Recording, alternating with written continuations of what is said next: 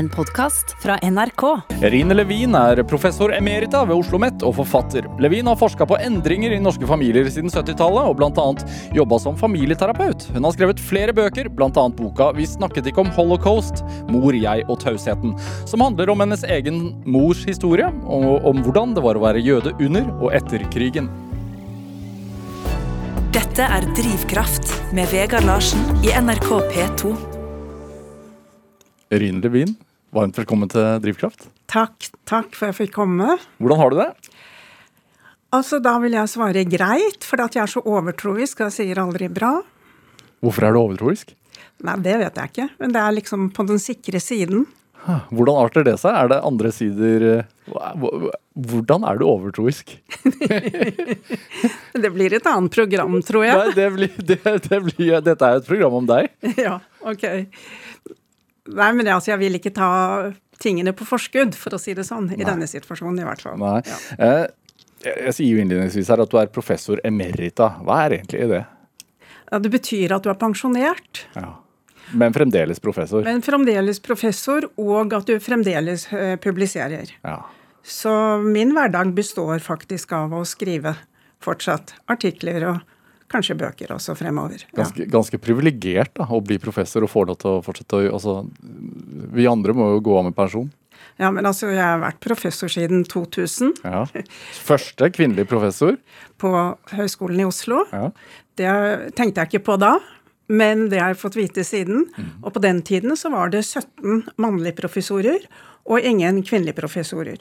Men da jeg ble det, så det ingen, altså ble ikke det nevnt, liksom. Det er sånn i ettertid at man ser på utviklingen. Hvor mange kvinner var det, hvor mange menn var det? Mm. Eh, og det er jo ikke så lenge siden, da, 2000, at man ikke hadde hatt kvinnelige professorer i full stilling på Høgskolen i Oslo. Nei, 22 mm. år kun. Betyr det noe for deg at du, at du var først ute? Uh, nei, jeg syns det er litt eksotisk. Ja. og så altså, gir det inn, en inngang til å snakke om utvikling. At uh, vi må huske på at det er ikke så veldig lenge siden at ikke dette var så selvsagt som det er nå. Ja, fordi nå føles det som det? Ja. ja også for deg? Ja, ja. Selvsagt. ja. Hvordan ser en dag ut for deg? I dag? Ja. Ja, den, den består av å skrive. Står opp og tar mine sedvanlige drikker. Og så, Sedvanlige drikker, hva er det for noe? Ja, Det betyr at jeg presser juice eller grepfrukt hver morgen. Uh, og det er veldig stas. Det syns jeg er hyggelig. Med ferskpresset juice. Ja. Og så setter jeg En slags morgenluksus? Ja. Og som jeg kan glede meg til når jeg legger meg om kvelden. Og så setter jeg meg ved skrivebordet, og så fortsetter jeg der jeg slapp i går. Ja. Hva skriver du om nå? Ja, nå skriver jeg om en nazist en uh, som var i statspolitiet, uh, som heter Ole Homb. Og som var ganske langt ned i hierarkiet i statspolitiet, men var en, en, viktig brikke i det å få jødene ut av landet da i 1942 og begynnelsen av 43. Hvorfor har han vært uh, oppmerksomhet, tenker du? fordi at Nettopp fordi at han ikke har vært så mye fremme før. og fordi at han kan defineres som en skrivebordsgjerningsmann. Og så kan man se på hva, hva, gjorde han faktisk? Hva sa han faktisk? Og hvordan kan vi forstå det i dag? Ja. Ikke for å dømme han, altså han fikk sin dom og sin straff, men hvordan kan vi forstå, og hva kan vi lære av det? Ja. Ren historieskriving, rett og slett? Ja, ja, det er det. Men det skrives av meg, som har min historie. En jødisk historie. Ja. Uh, og som ikke kommer fra faget i historie. Så, så, det blir vinklingen. Ja, hvordan påvirker det det arbeidet, tenker du? Ja, det kan hende at jeg stiller litt andre spørsmål. Ja. Altså på hvilken betydning har dette i dag, hva kan vi lære? Eh, det er ikke alltid at historieskrivningen eh, stiller de spørsmålene. Og dette, altså dette, er en artikkel som skal i tidsskrift som heter Agora, som er et idehistorisk tidsskrift, mm. som skal ha da et spesialnummer om holocaust om et par år. Mm. Er, du bor jo rett i området. Eh, kort vei hit til NRK Marienlyst. Mm. Eh, hvor mange snublesteiner passerer du når du er ute og går? Altså fra hjemme og hit så passerer jeg ingen. Men går jeg en liten tur eller ned og handler eller sånn, så passerer jeg ganske mange snublestener. Ja. Altså dette, altså Marienlystområdet var jo et område som mange jøder flyttet til når de flyttet fra Grünerløkka. Da jødene kom mm. til Norge så, og til Kristiania, så flyttet de til Grünerløkka. Eh, og det var en opphopning, eller en samling, av jøder som bodde der. Og det var også mye fellesskap ved å bo der. Mm. Og det Grünerløkka da ser jo ikke ut sånn som nå. Det var et Nei. veldig fattig område. Veldig fattig område. Ofte do i gangen eller nede i gården. Eh, og, og ja, veldig fattig. Men de Altså, jeg har bare hørt sånne strålende historier om Grünerløkka eh, hvor bra det var. Men ikke desto mindre, så da mine foreldre skulle etablere seg i 1936, så vendte de hodet og blikket vestover. Mm. Så da fikk de leiet en leilighet på Adamstuen. 54 kvadratmeter. Det var veldig fint. Når var det? I 36. Ja. Mm. Så du, du har ikke flytta der langt i livet? sånn. Nei, det har vært en liten runde, men jeg endte opp her. Ja. ja. Ja, så, Hva er fint med det, å bo i nærheten der man har vokst opp? Det tenkte jeg ikke på da jeg flyttet uh, til der jeg bor nå, men det syns jeg egentlig er veldig fint. Fordi at da husker jeg ting når jeg går forbi Marienlyst skole eller Fagerborg, hvor jeg også gikk og sånn. Ja. Så, så, så, er det veldig stas, egentlig. Det er hyggelig. Føler seg hjemme. Og kan mye om det. Mm.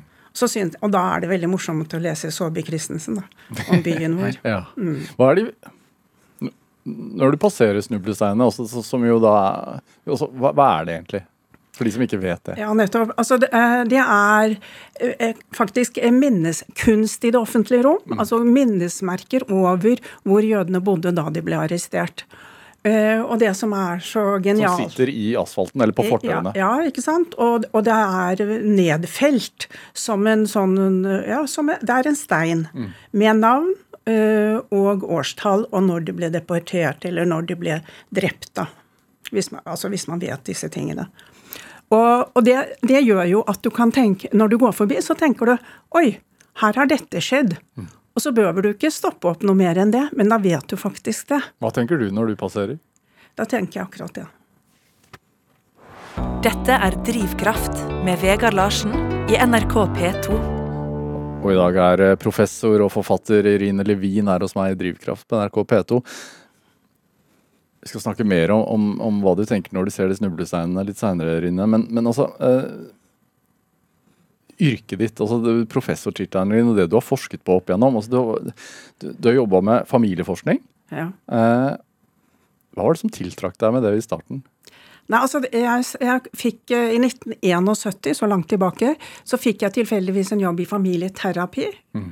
Da var familieterapien i, begynn, i emning i Norge. Og, og, det kontoret jeg tilhørte, familiekontoret i Akershus, det fikk i oppgave å utdanne familieterapeuter i landet. Fantes det i det hele tatt? Altså, nei, visste nei, folk var, hva det var? Nei, nei. Nei, nei, men uh, det er lett å skjønne det når man hører ordet. men uh, slik at da, da, ble jeg introdusert da ved denne tilfeldigheten, men det tiltrakk seg jo min oppmerksomhet og interesse ganske fort. Og jeg syntes også at det var veldig mye interessant som forekom i selve terapirommet. Så etter hvert så tenkte jeg sånn at uh, det, denne kunnskapen må komme flere til gode. Mm. Og det, det, er liksom blikket mot forskning, da. Hvorfor tenkte du det? For det, at det de sa, ofte var veldig klokt.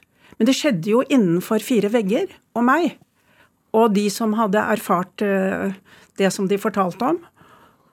Og da var det at jeg Nei, altså, så kan du jo ikke Hvordan skal du få fortelle det til alle andre? Da må du ha et språk til å fortelle det til andre. Og da, det er forskning. Ja. Du, begynte, du utdannet deg først på, på Sosialhøgskolen i Bærum? Nei. Ikke det? Eh, nei, det, det var senere. Men altså, var, jeg begynte innen sosialt arbeid ja. på 60-tallet. Uh, eh, og, da, på det tidspunktet så lå den ved Røde Kors, faktisk. Hva, hva var altså sosialt arbeid? Hva er det for noe? Nei, altså du, eh, du jobber med personer som er hjelpetrengende uh, på en eller annen måte. Og da jeg valgte det, så var det ikke så vanlig at kvinner tok yrkesutdanning. Og moren min ville jo helst at jeg skulle dra til Sveits og gå på eh, kokkeskole. Eller Bli husmor?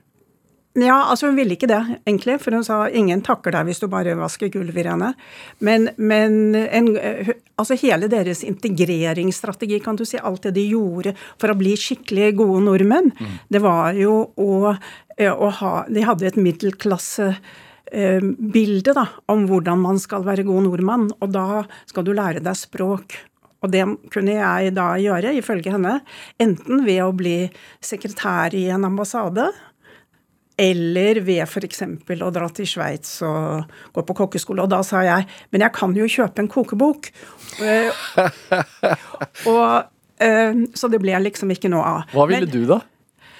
Nei, jeg, jeg, var jo sånn litt i opposisjon altså til deres form for det jødiske.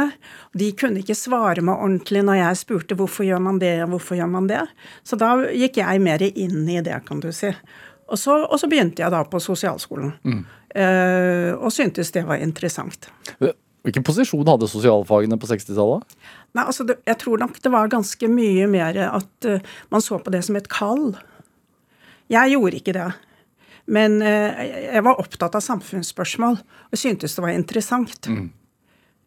Og det har vært et veldig godt grunnlag. Ja, ble, Tror du den posisjonen de hadde, hadde noe med å gjøre at det ble sett på som sånn kvinneyrker?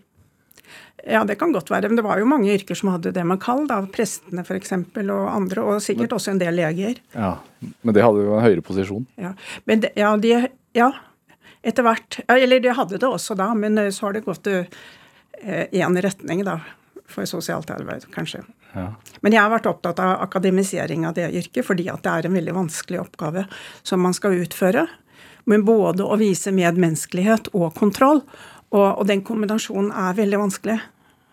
Du blir opptatt av den norske familien. Mm. Hvorfor det? Nei, men så blir jeg jo eh, så ble jeg, ikke sant, Når jeg fikk menneskene inn på det eh, på kontoret Som familieterapeutkontoret? Ja, ikke sant? Hvor var det igjen? Det, var, det lå i Oscarsgate, ja. men det var for Akershus. Men det, altså, Akershus var jo et fylke da som omringet Oslo. Så sentrum i Akershus, mange institusjoner som er for Akershus, ligger i, nettopp i Oslo, i hvert fall har gjort det. Ja. Så, så det, det, kontoret gjorde det. Og, Hvem var det som kom? Nei, det var jo foreldre Altså det var jo e, først og fremst ektepar ja. uh, som hadde problemer og kranglet, da.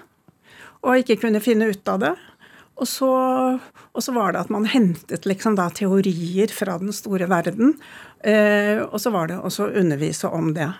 Men det som skjedde på 70-tallet, det var jo at også familiekonstellasjonen, altså den endret seg.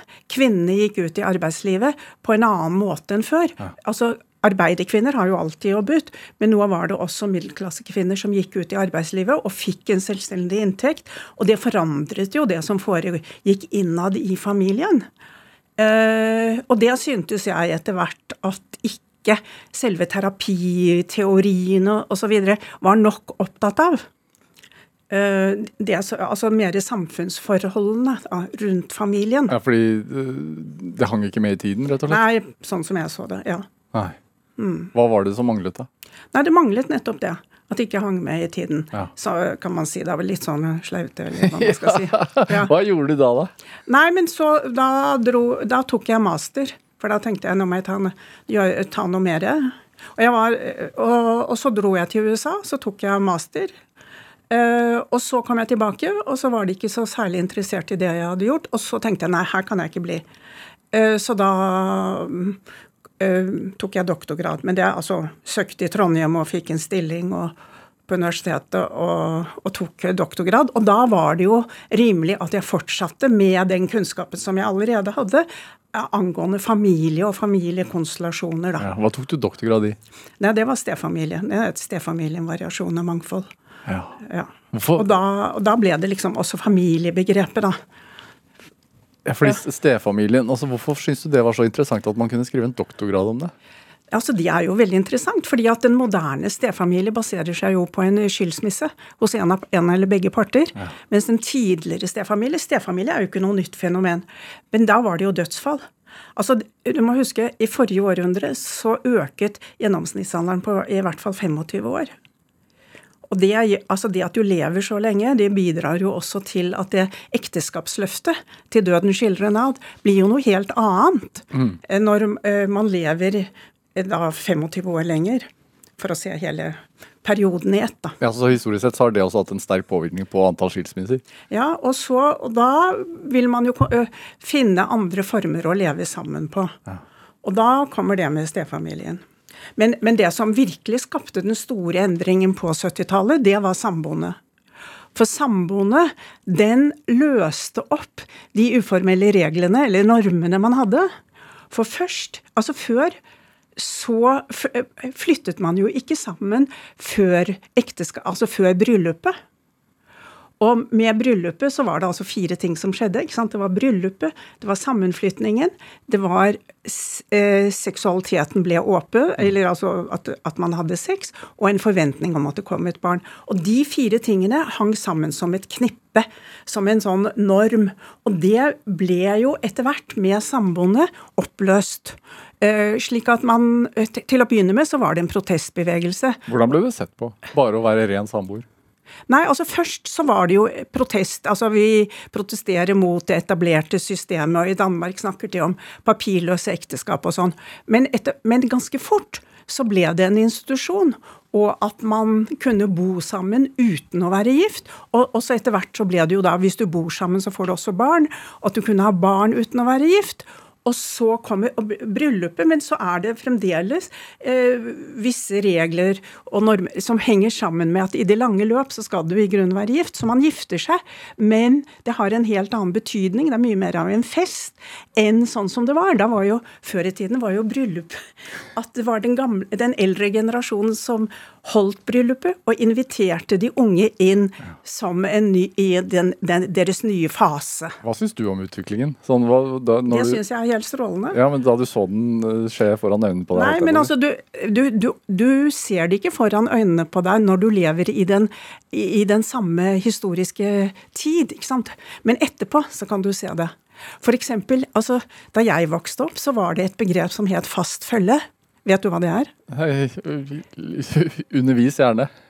Ja, nei, men altså det var jo noe man, ha, no, man, man hadde truffet en person som man da uh, likte og skulle utforske litt, og så var man et par. Ja. Men det var før forlovelsen, for da ble man forlovede. Og så kom ekteskapet. ikke sant? Dette var, dette var, en sånn sekvens som skjedde stort sett over det hele. Og det med alt det der er jo borte. Og hvis du sier fast følge, så høres det jeg vet ikke hva det høres ut som, en matrett nesten. Ja, men da jeg gikk på skolen, veldig, veldig eh, Hva? Da jeg gikk på skolen, så spurte man jo sånn skal vi ha følge? Og man gjorde det, ja. ja. ja. Men fikk man da fast følge? Nei, det varte jo kort, da. Ja. Men hvordan var det eh, i forhold til Hvordan, hvordan så uh, generasjonen over deg på dette her? Altså moren din, f.eks. Hva syns hun om den utviklingen? Nei, altså etter hvert, hun, Min mor levde veldig lenge. Hun døde ikke før i 2013. Da var hun 101 år. Så øh, hun, hun, syntes at øh, hun, hun, var ikke så veldig sånn opptatt av former og normer og sånn, så jeg tror hun, hun vente seg til det. Mm. Har, du, har, har det hatt noen sånne store samfunnsmessige konsekvenser at, at familien har endret seg på den måten? Ja, Veldig store. Ja. Fordi at det er ikke like lett å få oversikt og over Altså det med at man er Når man bor sammen, er man gift. Så får jo det en statistisk konsekvens, for da kan man jo si at når det oppløses, så er det en skilsmisse. Men når samboende oppløses, så er det en separasjon. Og du har jo ikke registrert samboende, f.eks. For eksempel. Og det har mange konsekvenser, men kanskje ikke i dagliglivet. Dagliglivet er jo det samme for mor, far og barn. Mm. Er det det var en rivende utvikling eh, fra 70-tallet, og, og med bare med at samboerskapet ble en realitet. Men når du ser tilbake, er du overrasket over hvor raskt det gikk? Ja. Hvorfor det? Nei, for jeg trodde at utvikling skjedde med prosesser som tok veldig mye lengre tid. Men det har skjedd veldig fort. Og det har jo også skjedd Bare tenk på den utvikling som har skjedd i forhold til synet på homofile. Det var jo en hemmelighet, nærmest en tabu, uh, tidligere. Og det er ikke så veldig lenge siden. Uh, og jeg bare liksom venter på når den boken kommer, ikke sant, som skal beskrive uh, den utviklingen som har skjedd. Det er jo utrolig interessant hvordan man i dag har, synet på homofile har endret seg. Når du underviser på Oslo OsloMet, hva underviser du i nå da? Nei, jeg underviser ikke på Oslo OsloMet, men innimellom Ja. så ber de meg om å gjøre noe. Ja, Hva gjør du da? Nei, da, Forleden dag så underviste jeg i det sosiale, i sosialt arbeid og, og, og ulike sånne Mer teori. Ja. Du, har, du har skrevet en bok om hva er sosialt arbeid? Ja, det er i den der Hva er-serien til uh, Universitetsforlaget. Ja. Hvorfor er det viktig å, å, prate om? Fordi at ikke så mange kjenner til det. Og så er det, for meg så er det viktig å trekke frem teorien bak. Ikke bare se på det som et praktisk fag, men så, eh, et, det praktiske har en teoretisk forankring. Ja, hvorfor er det? Hva, hva spiller det noen rolle? At, Jo, for at ellers så gjør du ting i hytt og pine eller ut fra synsing, Ja. og ikke ut fra en, en teori, eller ut fra teorier og, måte, og akade, eller vitenskapelige måter å se ting på. Og forstå ting på. hva, hva, hva har vært den viktigste teorien i ditt liv, da? I ditt virke?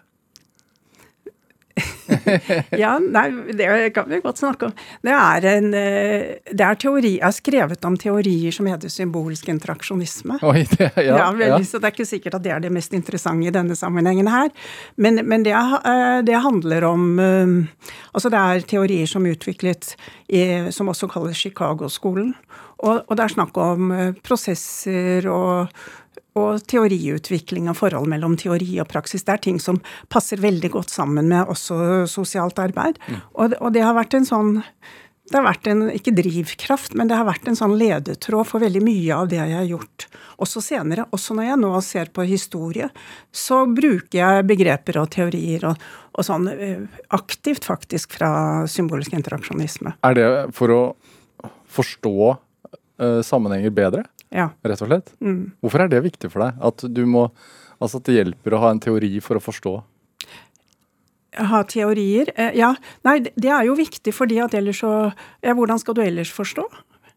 Hvis du ikke kan henge det på noe. Det med å forstå Du, du, kommer, du, kommer liksom, du kommer videre. Det er viktig. Ja. Det har vært viktig i ditt virke.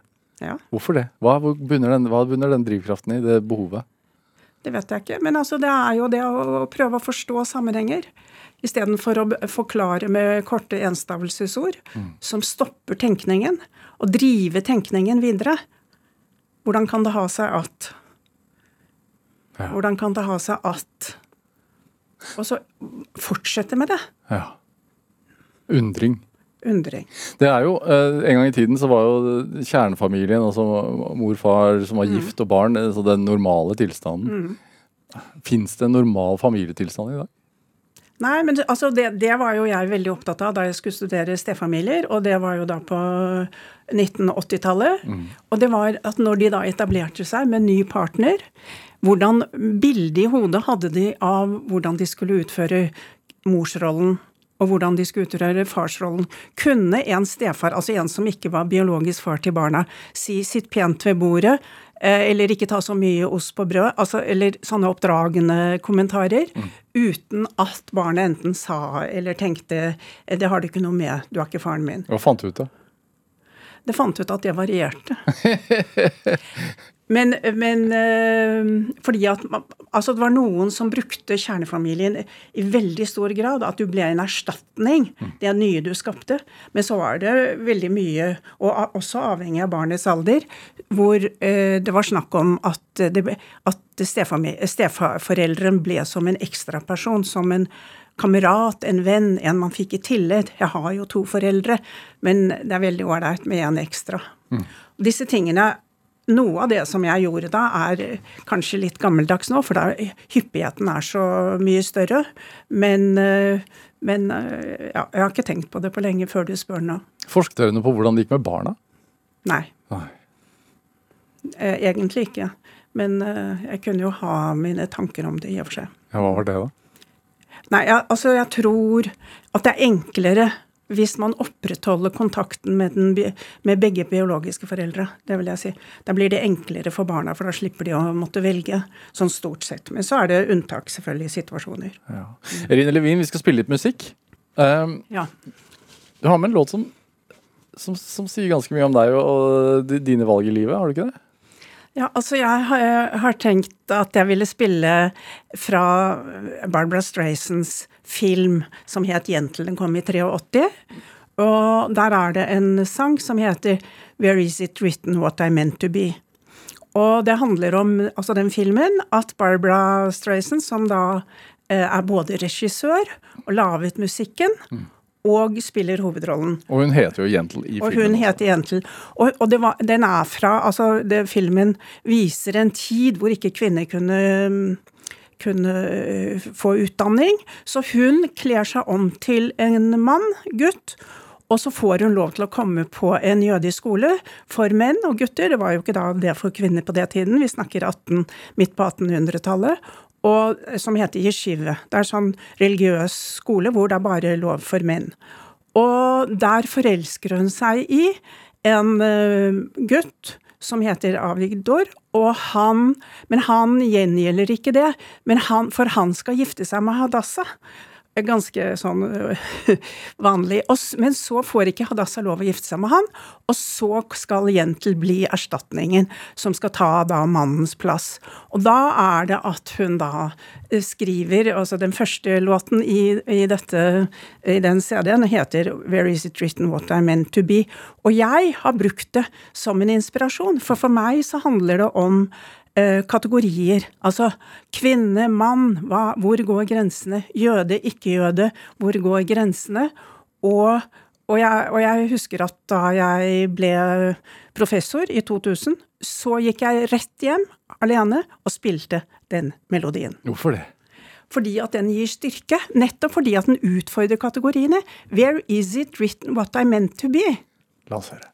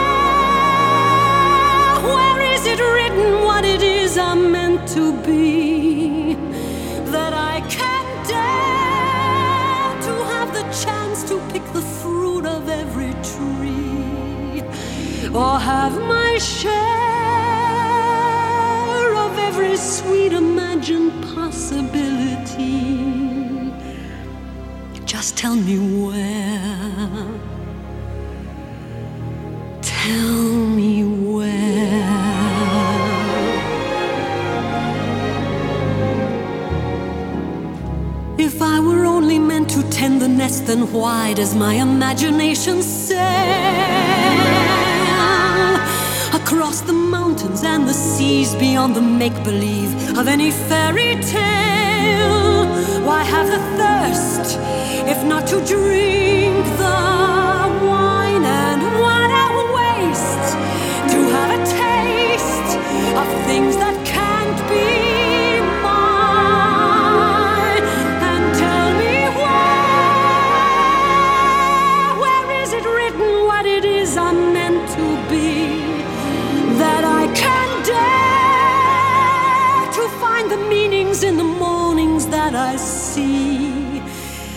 have my share of every sweet imagined possibility. Just tell me where. Where is it written? Tell me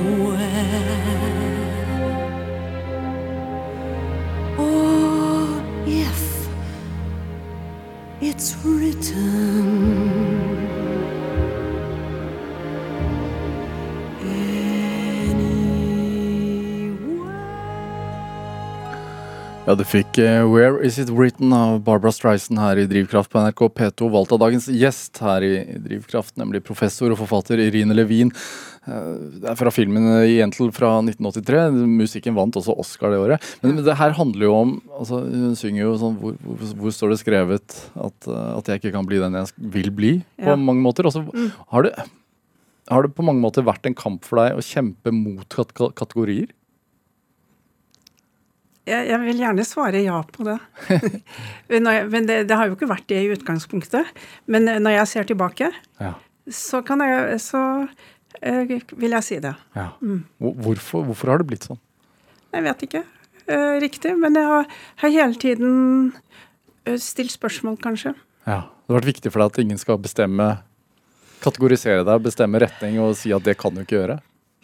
Kanskje, ja, altså, jeg er ikke den største radikaler, da, men, eh, men eh, det kan være litt sånn. Men i hvert fall så, så syns jeg det er viktig også å se eh, hvor man kan bevege grensene. Når, var- når var første gang du opplevde at du, du ble kategorisert?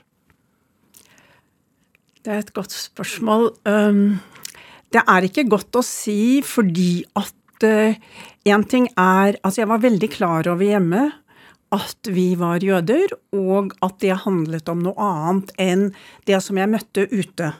Hvordan da? Hvordan merket du det?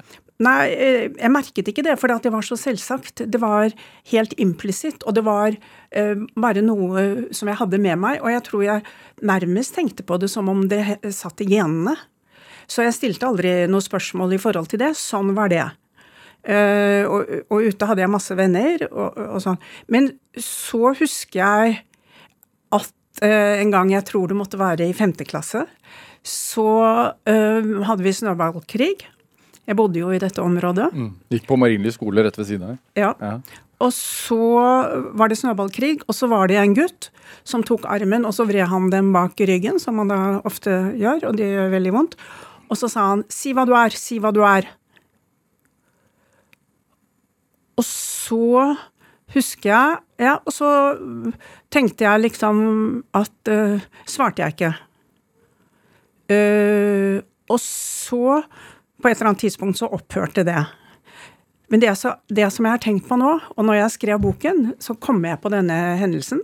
Og jeg kan huske Jeg vet hvilket tre det var ved uh, på jorda her borte. Og det som er rart, er at det var jo et utall av snøballkriger mellom gutter og jenter og gårdene opp igjen i Kirkeveien og sånn. Men, men jeg husker denne. Jeg husker jo ingen av de andre snøballkrigene, men denne husker jeg. Og jeg husker hvor vondt det gjorde, og jeg husker, som jeg sa, altså treet jeg sto ved. Og da, da var det at jeg unnlot å svare, og at det var viktig for meg, tror jeg, at liksom skulle jeg snakke om noe som handlet om det jødiske, så var jeg var det meg selv som skulle bestemme tema, og når det skulle komme. Ikke noen utenifra. Du er født i Sverige. Jeg er født i Sverige, og mor var gravid i sjette måned da de flyktet. Så du ble født der, bodde der i to år. Litt mer, ja. Husker ikke noe av det. Ingenting. Nei. Hva, hva er det første du husker fra du kommer tilbake? Da flyttet vi inn i den leiligheten i Adamstuen, og jeg husker liksom sandkasse og sånn, men jeg, fikk jo Altså, jeg husker venninner og så Det var jo ikke barnehaver, men det var jo mye aktivitet med barn allikevel. Eh, så det husker jeg. Hvor, hvor- ble den tiden i Sverige pratet om? Uh, egentlig ikke. Altså, det var sånn Det var Sverigetiden og sånn. Og, men det er jo visse historier De brukte meg som for å oppmuntre min mormor. øh, så de satte meg utenfor døren hennes, og så gikk de og gjemte seg, og så ringte de på. Og da tok hun hendene sammen og klappet, liksom, og var veldig lykkelig, for da kom dette lille barnet. Eh, og så sa hun på jiddisch 'oi godt wer kommt'. Herregud, hvem er det som kommer, ikke sant? Dette var stas. Så, jeg, eh, så det var en historie som jeg fikk høre. Og jeg fikk også høre at eh, på et tidspunkt Altså hele tiden i Sverige, sånn som jeg tenker på det, var en tid på vent. Man visste ikke ordentlig. Eh, og mor fortalte hun hørte at det var den norske stemmen Det var norsk radio altså på, i Sverige, men det var også stemmen fra London. Og det var Øksnevad, som hadde da ukentlige sendinger. Og, og han snakket ikke mye om hva som var skjedd med jødene, fordi at han ville ikke opprøre befolkningen hjemme. Men en gang så snakket han om det, og jeg har klart å finne frem til i hans, eh, en bok han har skrevet om de talene, om når det var. Og da måtte jeg ha vært et halvt år, og da er historien følgende. Og det er at mor, han sier da at eh, det er bror til Leo Tolstoy som forteller at det var massakre av jøder, og så og så mange tusen ble drept, og at det var eh, helt grusomt. Og så forteller mor at da hun hørte det, så skrek hun så høyt at hun det, At naboen, ikke i etasjen over, men i etasjen over der igjen, kom ned og sa 'hva er det som skjer'? Men ellers så var eh, altså under, I Sverige så far jobbet i det norske militæret og var ukependler. Og mor var hjemme med meg. Ja, Hvem var de i Norge før, dere, før de flyktet dit? Nei, altså da, De hadde ingen barn, jeg er enebarn, og født da i 43. Og, øh, og de drev en butikk nederst i Hegdalsveien, like ved Litteraturhuset. øh, og var opptatt av og dette med fotfest i Norge. Du må, altså Begge mine foreldre er født i Kristiania. Men deres foreldre hadde nettopp kommet eh, som innvandrere fra Tsar-Russland, men i dag vil du si Litauen. Eh, Mors foreldre kom fra en bitte liten, ikke noe gatekryssaktig steitel, som det heter, eh, nord i Litauen, i dagens Litauen. Og fars familie kom da fra hovedstaden, eller, eller kom da fra det som i dag er hovedstaden, altså Vilnius, eller det het Vilna på den tiden, da. Hva ble solgt i butikken? Det ble solgt underbukser og forklær med sånn knepping foran. Og, og stoff. Og, og litt av hvert. Sånn, ikke noe prestisje og høystatusting, men ting man trengte. Vet du, altså I boken din eh, så, så altså, Vi snakket ikke om holocaust, mor er jo og, og tausheten. Så, så bruker du sjelden eh, ordet integrering, f.eks. Var det noe sak for, for foreldrene dine i det hele tatt? Eller be- Altså, besteforeldrene dine? Altså, jeg ser på at det de holdt på med, det var integrering. Men i boken så er jeg, litt, er jeg nøye med å snakke om det å bli norsk. Altså, de, de gjorde veldig mange ting for å bli norske. For da, da de kom til da de, Altså mine foreldres eh, foreldre, altså mine besteforeldre, kom til Norge, så, det, så ble de veldig fort veldig glad i dette landet. Og de bestemte seg veldig fort at her vil vi være. Eh, og de lærte seg norsk. Og det snakket de flytende og uten aksent. Og det var som en norm, kan du si, i det jødiske miljøet også, at du, ikke, at du skulle snakke norsk flytende. Og de endret etternavnene. Altså, sånn som Jo Benkow, han, de het jo Be Benkovitz. eh, Og min far het Raskowitz, og et, endret det til Raskov. Og det var for en tilpasning. slik at det skulle bli enklere for nordmenn å uttale navnene, og integreringen skulle gå lettere. Og så det, det, tredje som de virkelig også tok del i, det var jo det viktige i Norge, nemlig friluftsliv. Så, så den normen om å elske det å være ute i friluftsliv, den var også deres. Så hvis du ser på bilder og sånn fra før krigen, så er det ikke sant, med kaffekoking og bål og det hele. Mm. Skal, må man ut på tur, si. Ja, ut på tur. Ja. Det er veldig fint. Er det når du, når du, uh, så gjennom notatene dine sånn til moren din, altså, når, når, var det de forsto at de var nødt til å flykte? Uh, altså, Hva var det som gjorde altså? Nei, altså det, det, det, startet med et rykte som kom noen dager før arrestasjonen av mennene.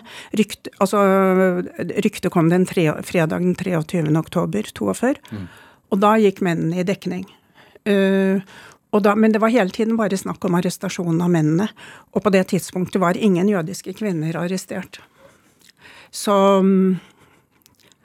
øh, ja, så, så, de trodde kanskje at kvinnene skulle greie seg, og mor hadde da ansvaret for butikken. Mm. Og hennes far ble da lagt inn på Lovisenberg sykehus, og far og mors bror dro da til Hadeland i dekning.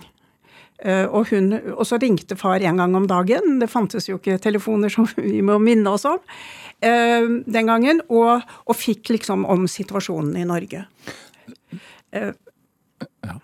Nei, de, altså de flyktet jo til Sverige. Var der i to år, kom tilbake. Hva kom de tilbake til?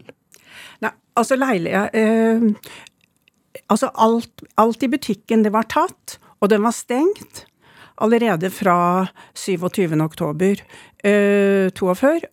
De, men de fikk den tilbake. Men de måtte selv finne tingene, også når det gjaldt leiligheten.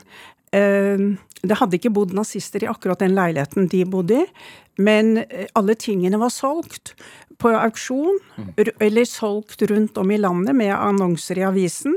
Så jeg har funnet eh, skriv om, men mor har ikke snakket om det, men om at f.eks.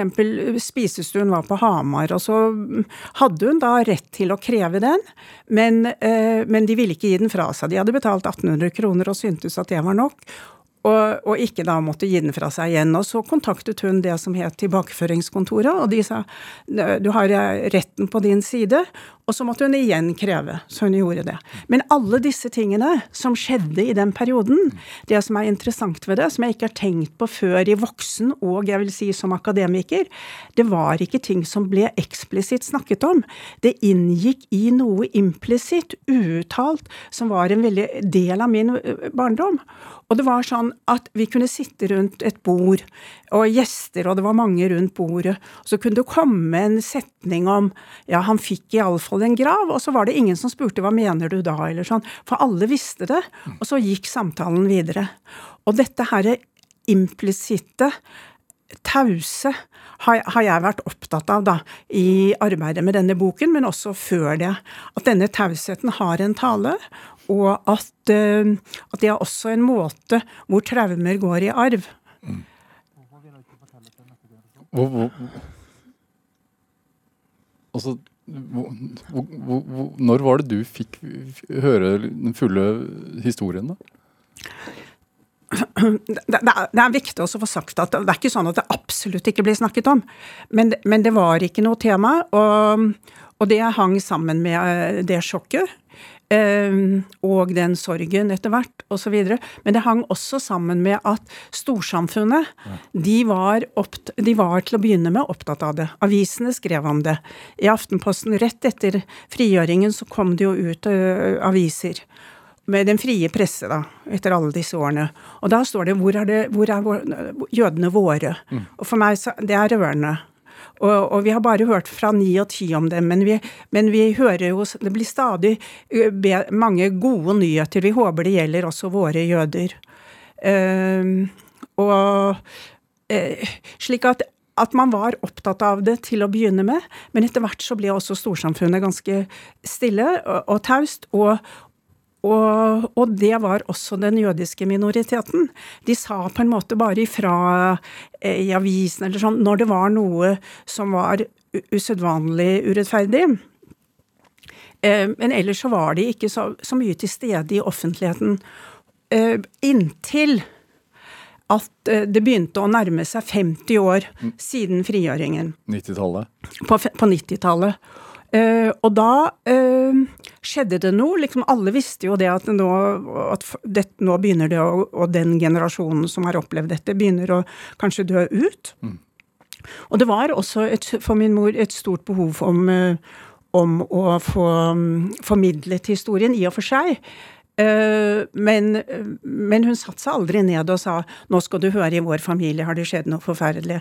Eh, men- det som på midt på 50-tallet, nei på 90-tallet, så så eh, skriver en eh, journalist, Bjørn Vestli, en artikkel i Dagens Næringsliv om ranet fra jødiske hjem og, og formuer og eiendeler. Var det det som ble Skarpnes-utvalget? Ja. Det ble Skarpsnes-utvalget, og det Skarpsnes-utvalget som skulle se på da den økonomiske likvidasjonen, det delte seg i to. Og den eh, minoriteten, som var de to representantene fra Det mosaiske tros- trossamfunn, kom med en alternativ tolkning av det som hadde skjedd, og regjeringen godtok det. I den fasen så begynte også mor å snakke. Og det var som om det rommet som storsamfunnet ga for, for minoriteten, gjorde også at minoriteten begynte å åpne opp og snakke på en mye mer naturlig og omfattende måte, kan du si. Hvordan var det for moren din å prate med deg om dette her da? Nei, det, det vet jeg ikke, men, men det, det skjedde også samtidig at jeg ved en tilfeldighet traff en dame eh, på Røysheim, som er et hotell. Jeg, var i, jeg skulle lage en um, konferanse, så jeg eh, måtte på dette Røysheim. Eh, og jeg sitter overfor en helt fremmed dame til middagen. Og så presenterer vi oss, og så sier hun da at hun heter Alfhild Bonnevie. Og så sier jeg Kristine Bonnevie, som da, bare som parentes, er den første norske kvinnelige professoren på Universitetet i Oslo. Eh, Kristine Bonnevie hjalp eh, mine foreldre å flykte under krigen, og så svarer hun nei da, Kristine Bonnevie gjorde ikke det, men min søster All, eh, Agnes eh, Follestad gjorde det, og den første familien hun hjalp, var familien Raskov, altså mine foreldre. Og da jeg, fikk jeg et sjokk, og så svarte og jeg er hun hun var gravid med. Og da var det veldig viktig for meg å få formidlet dette, fortelle mor det fort, og det fantes ikke telefoner. Og jeg dro da hvor mor var, nemlig på hytta i Valdres, og da fortalte det, og da sier mor til meg, kan du få hedret de, hjelpe meg og få hedret de som reddet oss under krigen. Og i den forbindelse også, og dette skjedde liksom omtrent samtidig, eh, så var det at hun begynte å snakke. Og så snakket vi, og så fikk vi hedret de, og så eh, var det veldig fint for henne. Og siden da snakket hun. På en annen, annen måte. Var den tausheten som var i hjemmet ditt, Ja. hvordan føltes den? Merket du det? Nei, altså jeg tenkte ikke over det, for det var sånn det var. Ja. Jeg tenkte ikke over det som det var noe rart. Jeg tenkte, Det var bare sånn det var. Hvor mange familiemedlemmer ble tatt? 33. Hvis du tar grensen med, ved kusiner og fettere. Ja. Ja. På mors og fars side. Når, vi, når fikk du vite om dette? Nei, altså, noe av det har jeg visst alltid. Og så er det egentlig litt etter litt. Men, men eksempel, det kom en bok som het 'Kate har alltid vært i Norge'. Hun var fars kusine. Jeg visste ikke. Og, og vi var sammen med Kates søstre som overlevde.